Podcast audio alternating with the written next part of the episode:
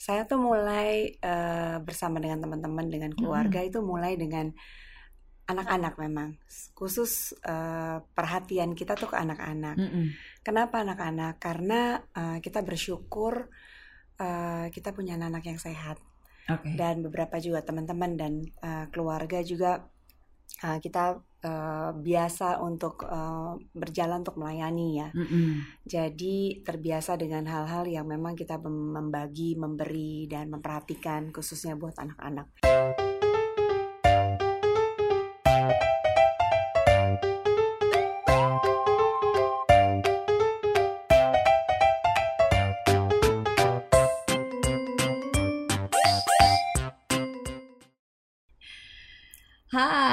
Ketemu di edisi perdana podcast Saya Hebat. Saya Arleta Danisoro dan hari ini tamu saya adalah seorang yang sangat istimewa, berhati malaikat.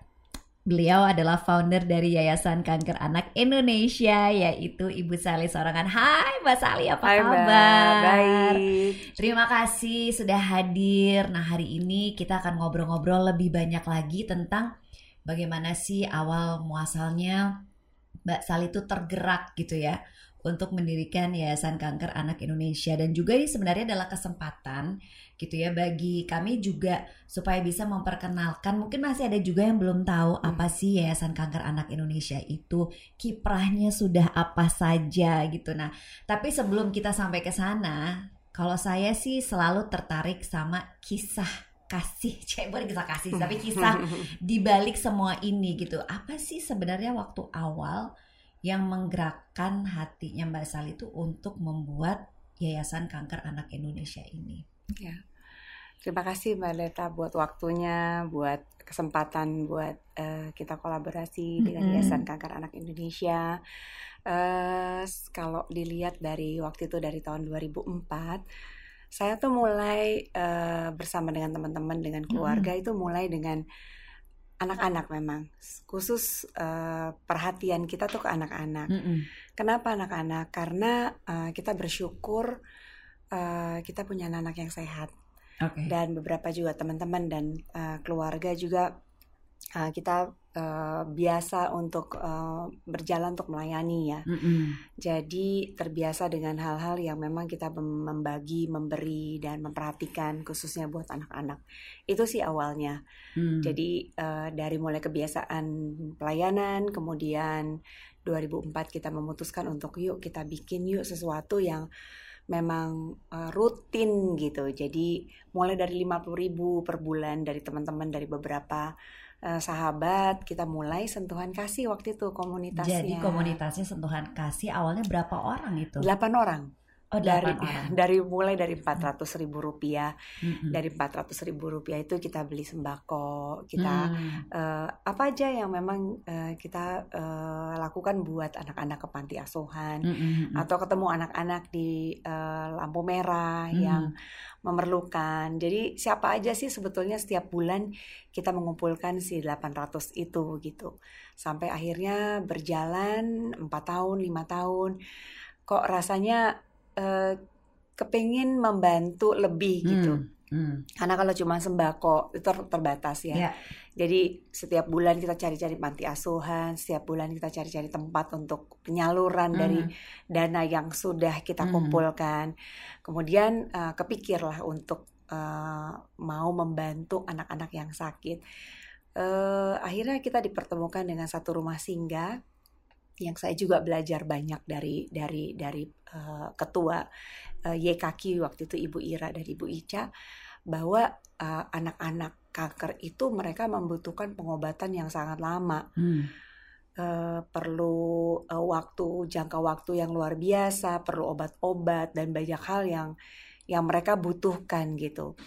Nah, akhirnya eh, melalui eh, eh, diskusi, terus kemudian kita juga berdoa juga ya Mbak, apakah ini benar gitu. Mm-mm. Jadi kita memutuskan waktu itu untuk membantu anak-anak dengan kanker. 2008, 2009 sampai dengan 2010 kita diizinkan untuk eh, mem- mem- membuat yayasan yaitu Mhm. Yayasan Sentuhan Kasih Anak Indonesia. Jadi awalnya namanya Yayasan Sentuhan Kasih Iya. Anak Indonesia, terus Iya. kemudian berubah namanya. Itu kapan jadi Yayasan Kanker Anak Indonesia? Eh, berjalan eh, sampai dengan 2020. 2000 Hmm. eh, maaf maaf 2018. Oke. Jadi 2010 kemudian 2018 Hmm. dengan program visi misi yang sama namanya ganti Yayasan Kanker Anak Indonesia. Tadi Mbak Sari menyebutkan visi misi yang sama Mm. gitu. Jadi sebenarnya visi dan misinya tuh apa sih awalnya?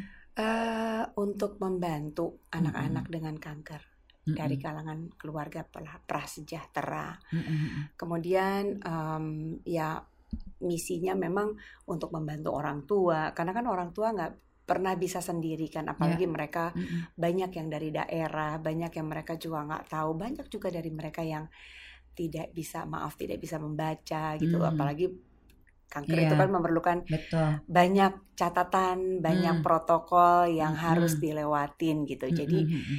eh, misi kita yaitu membantu orang tua juga mem- memberikan eh, public awareness Mm-mm. kepada teman-teman kepada Mm. masyarakat untuk mereka bisa melihat bahwa anak-anak dengan kanker tuh ada loh jadi kan selama, selama ini kan kita pikir oh kanker karena eh, gaya hidup yang tidak sehat atau Betul. mungkin ada hal-hal yang yang yang kita sebagai orang dewasa itu melakukan hal yang salah tapi ternyata uh, kanker pada anak itu banyak sekali gitu. Jadi akhirnya kita memutuskan dan kita mau melakukan bukan hanya buat anak-anak tapi juga buat orang tuanya Iya. juga.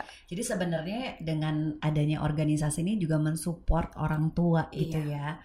Nah, tapi ada nggak sih pengalaman mungkin pengalaman pribadi yang keluarga tuh ada yang kanker gitu dan sehingga ini juga membuat jadi terpikir, iya ya karena tahu ada pengalaman apa ya pribadi gitu ya. Karena Mhm. kalau saya sendiri juga punya pengalaman pribadi, ada saudara tante ya, ada banyak lah di di keluarga dari pihak ibu itu yang terkena kanker gitu dan melihat bagaimana mereka mengalami itu, terus bagaimana juga eh, dampaknya ke keluarga tuh gila ya ternyata Mm-mm, bisa sampai mm-mm. seperti ini gitu. Apalagi ada film-film juga yang kita suka Ya. suka lihat kan ya, Mm, yang itu tuh dampaknya bukan hanya pada si pasien tapi ternyata bisa besar semuanya keluarga. gitu besar ke keluarga Mm-mm, gitu. Apalagi ini masalahnya kan psikologis. Nah, apakah ada juga pengalaman-pengalaman seperti itu di eh, keluarganya Mbak Sali atau mungkin sahabat dekat?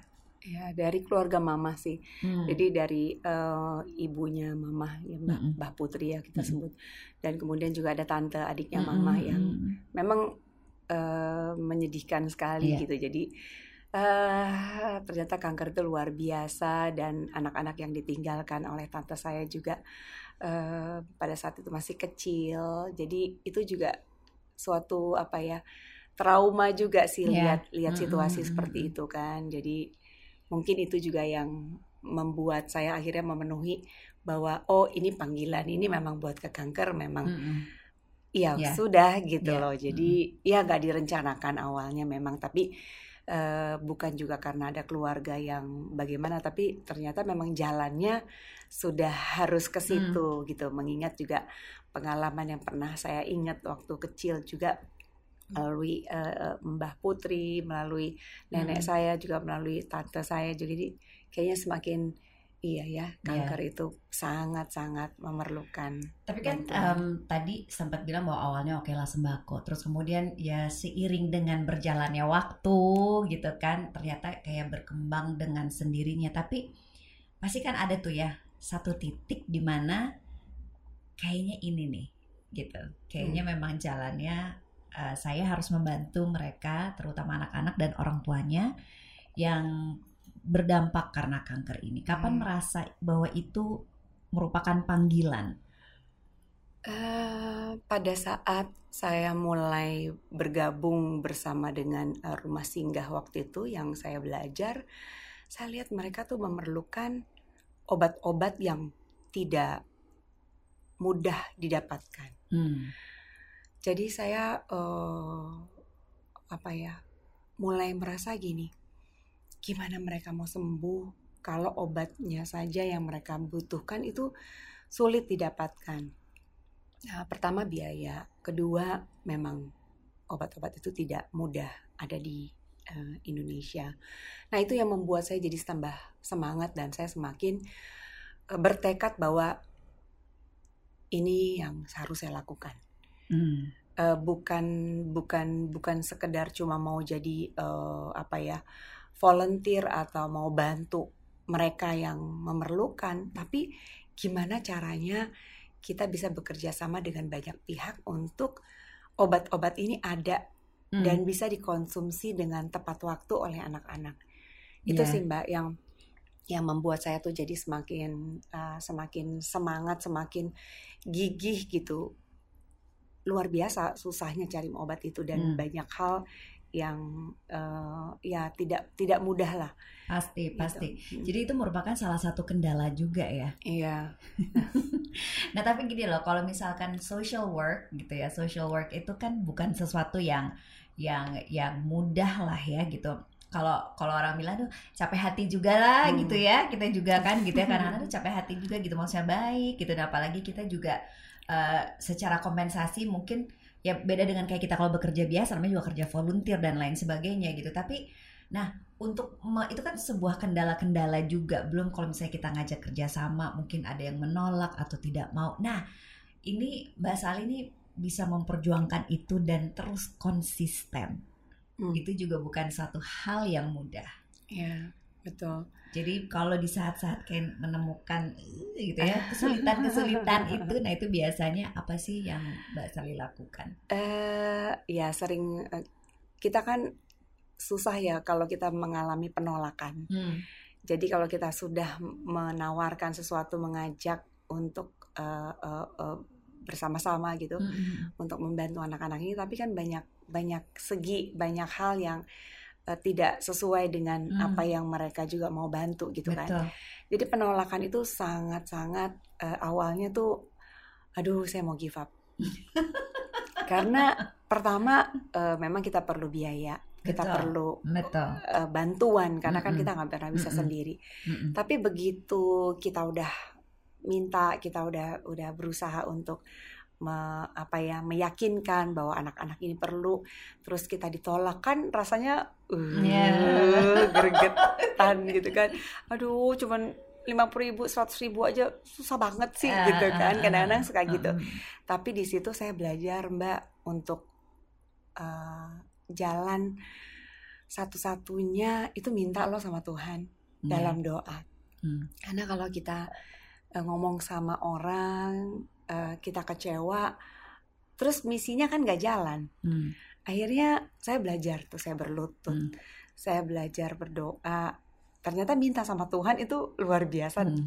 uh, hasilnya hmm. jawabannya daripada kita minta bantuan dengan orang-orang yang kita rasa mungkin sanggup kita hmm. rasa mungkin oh dia pasti mau bantu nih gitu hmm.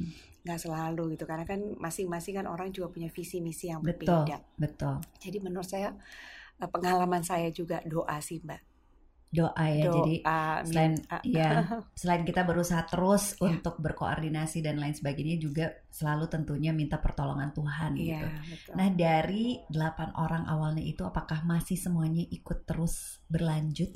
Masih. Masih. Masih. Jadi masih kompak terus masih ya kompak, semuanya. Wah, iya. luar biasa nih. Nah, terus kemudian gini tadi kalau misalnya mencari bantuan uh, selama ini gimana caranya Mbak Salim meminta maksudnya uh, apa ya kerjasama gitu dengan berbagai pihak untuk membantu yayasan ini supaya bisa lebih maju dan meyakinkan um, untuk apa ya bisa membantu anak-anak ini dan orang tua. Sejauh ini apa aja kiprahnya yang sudah dilakukan Yayasan Kanker Anak Indonesia? Ya, saya bersyukur dipertemukan dengan pengurus-pengurus yang luar biasa, hmm.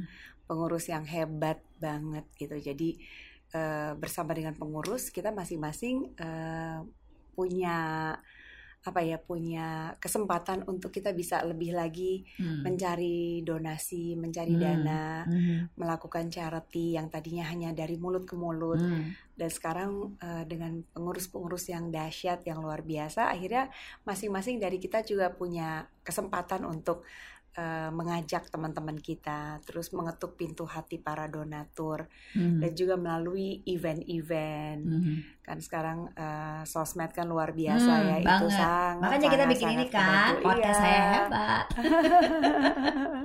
Biar tahu betapa hebatnya orang-orang di balik Yayasan Kanker Anak Indonesia dan juga orang-orang yang berkolaborasi gitu Iya, ya. betul. Karena tujuan kita adalah tujuan yang mulia untuk Iya. membantu anak-anak dan orang tua ini.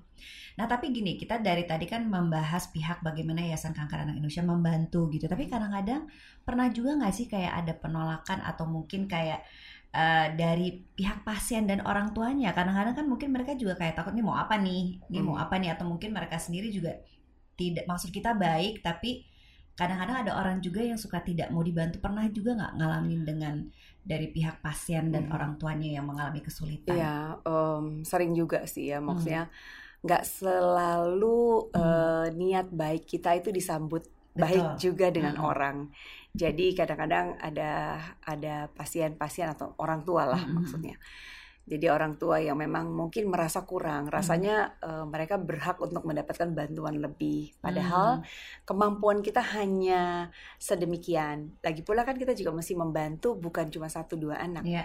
tapi kita membantu banyak sekali Hmm. anak. Jadi eh, kita berusaha untuk seadil mungkin, tapi ada beberapa pemikiran juga kan dari mereka yang em, ya udah dibantu tapi kurang gitu. Ya Hmm. namanya manusia ya Iya. kadang-kadang Mm-mm. dan juga saya eh, saya ngerti banget bahwa mereka juga dalam keadaan tertekan, anak yang sakit, Betul. keadaan ekonomi yang eh, ya semua jadi stop kan karena Mm-mm. anaknya sakit kan otomatis Iya. berhenti Mm-mm, mm-mm. orang tua Karena harus berhenti mengurus mm, anak ya. ngurus anak. Jadi ya Mm.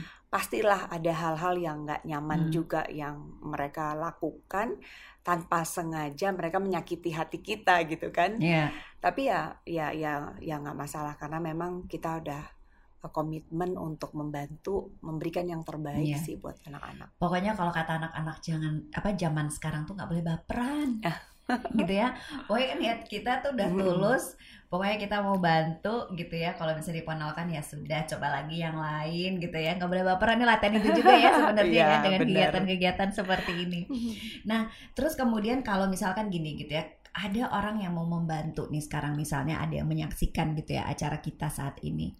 Terus itu gimana sih saya kalau mau membantu gitu? Karena kan pasti yang namanya zaman apalagi zaman sekarang ya kita kan butuh yang namanya kolaborasi itu penting. Hmm. Nah, itu gimana sih kalau kita juga ingin membantu atau ke Yayasan Kanker Anak Indonesia itu kayak gimana tuh, Mbak?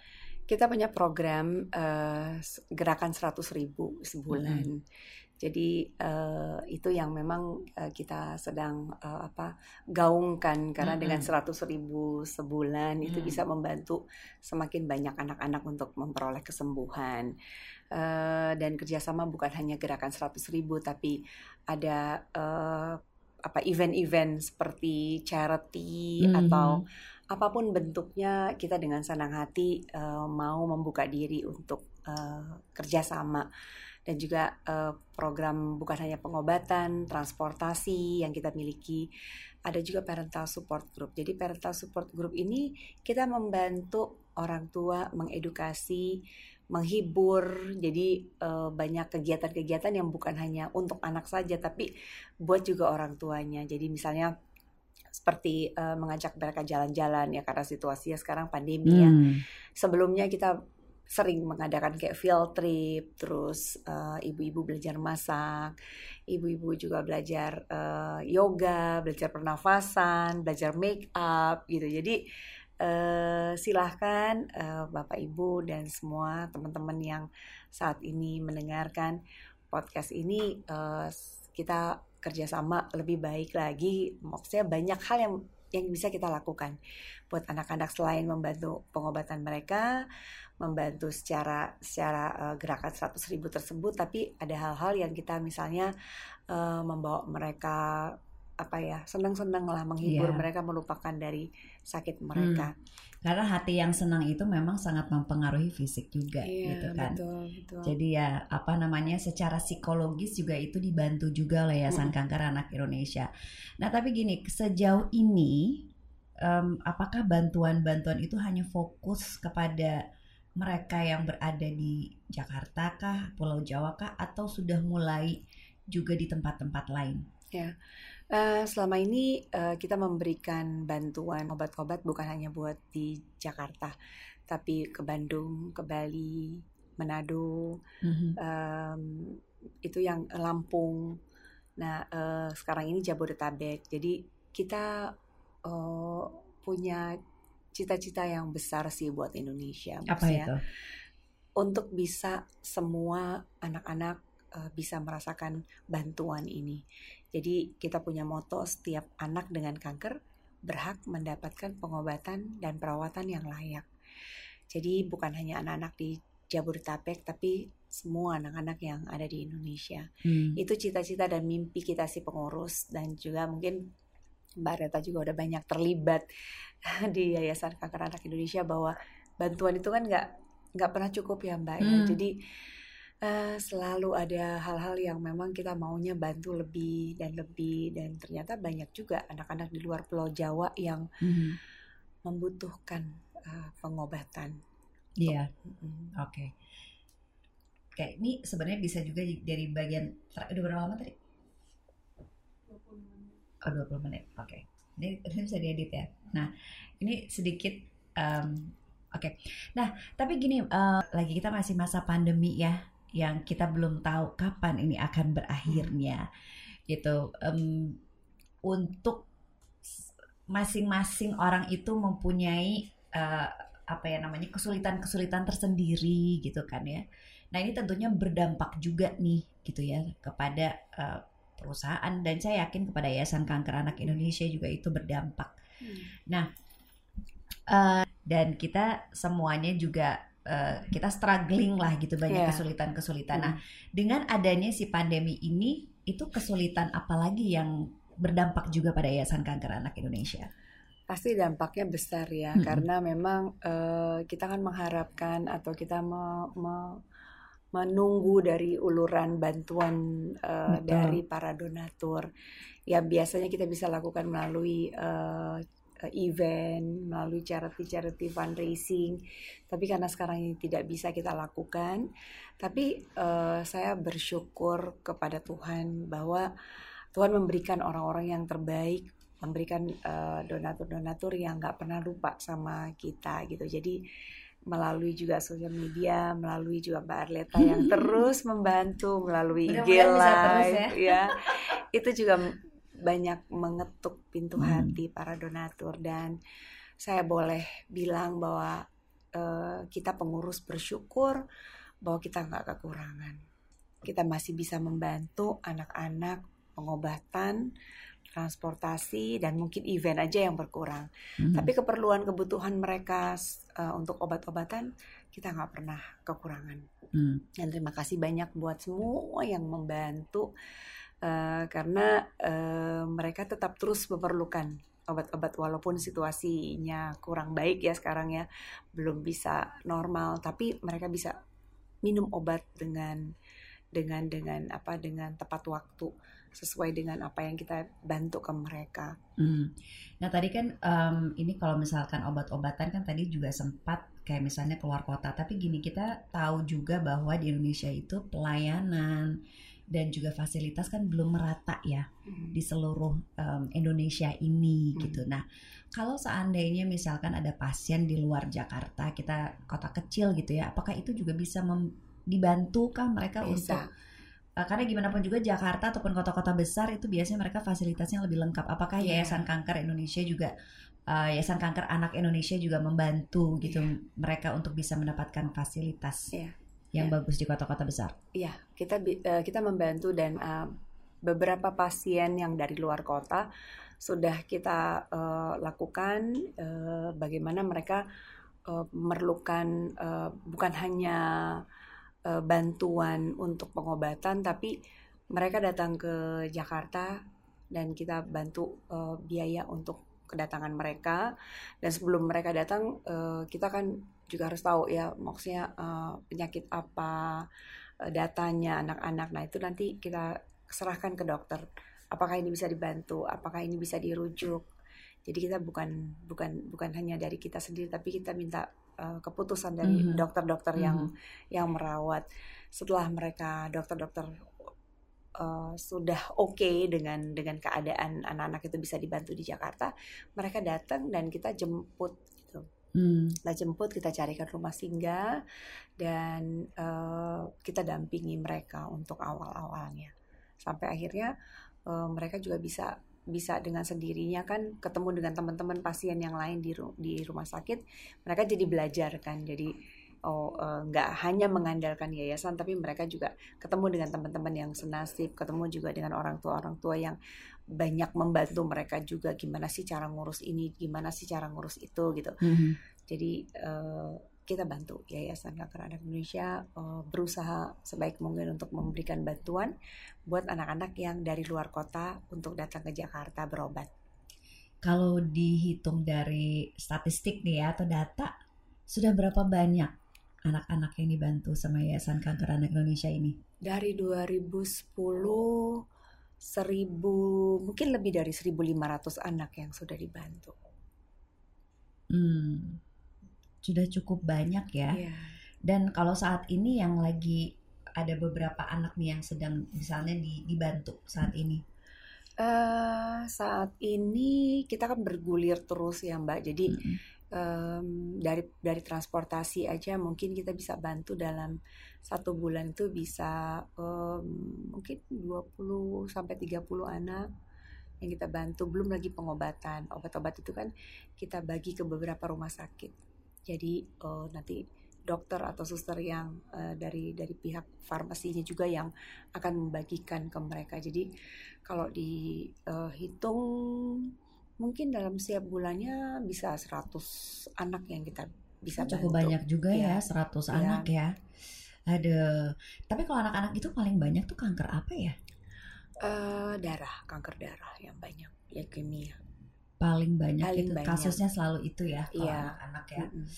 Aduh mudah-mudahan dengan ketulusan hatinya Mbak Sali dan semua teman-teman yang berada di belakang Yayasan Kanker Anak mm. Indonesia mudah-mudahan semakin banyak juga anak-anak yang bisa dibantu mm. terus juga mensupport orang tuanya karena tadi mempunyai mimpi yaitu apa tadi mimpinya? Untuk memberikan bantuan tuh bukan hanya buat anak-anak di Jabodetabek tapi di seluruh Indonesia. Amin. Mudah-mudahan nanti juga semakin banyak volunteer-volunteer Yayasan Kanker Anak Indonesia bukan saja di Jabodetabek tapi juga di seluruh Indonesia amin, gitu ya. Nah, tadi kalau misalnya untuk yang bisa ada program 100 ribu per bulan itu bisa didonasi melalui mana? Melalui uh, rekening uh, Yayasan Kanker Anak Indonesia nanti bisa dilihat di di website atau di Facebook atau di Instagram. Hmm. Ya, Instagram tuh penting ya, pasti nanti akan ada kok di sini informasi-informasi lengkapnya. Jadi itulah obrolan saya bersama Ibu Sali Sorongan. Beliau adalah founder dari Yayasan Kanker Anak Indonesia dan ini adalah edisi perdana dari podcast kasih. saya hebat dari salah satu orang hebat ini Mbak Sali yang telah membantu banyak sekali anak dan juga orang tua dalam melewati masa-masa yang cukup um, tentunya memprihatinkan yeah. yaitu uh, kanker dan mudah-mudahan dengan adanya yayasan ini bisa semakin banyak anak-anak yang terbantu. Mbak Sali terima kasih banyak terima kasih, sudah hadir kita ngobrol-ngobrol. Tentunya di podcast saya hebat ini juga nanti akan ada banyak sekali teman-teman kita juga yang hebat-hebat dan nanti tentunya obrolan saya dengan mereka Anda nantikan ya. Sampai jumpa. Salam sehat. thank you